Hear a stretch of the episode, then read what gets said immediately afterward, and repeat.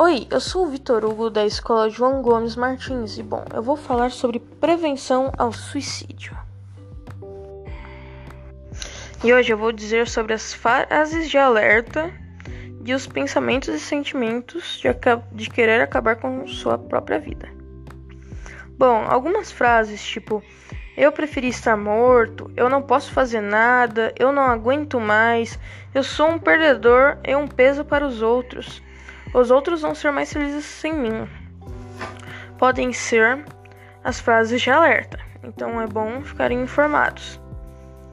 E os pensamentos e sentimentos de querer acabar com sua própria vida podem ser insuportáveis, e pode ser muito difícil saber o que fazer e como superar esses sentimentos, mas existe ajuda disponível.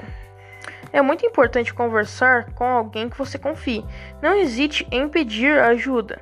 Você pode precisar de alguém que te acompanhe e te auxilie a entrar em contato com os serviços de suporte. Bom, pessoas, eu venho pedir que vocês sigam aí meu podcast e muito obrigado por ter separado um tempo do seu dia para ouvir o meu podcast.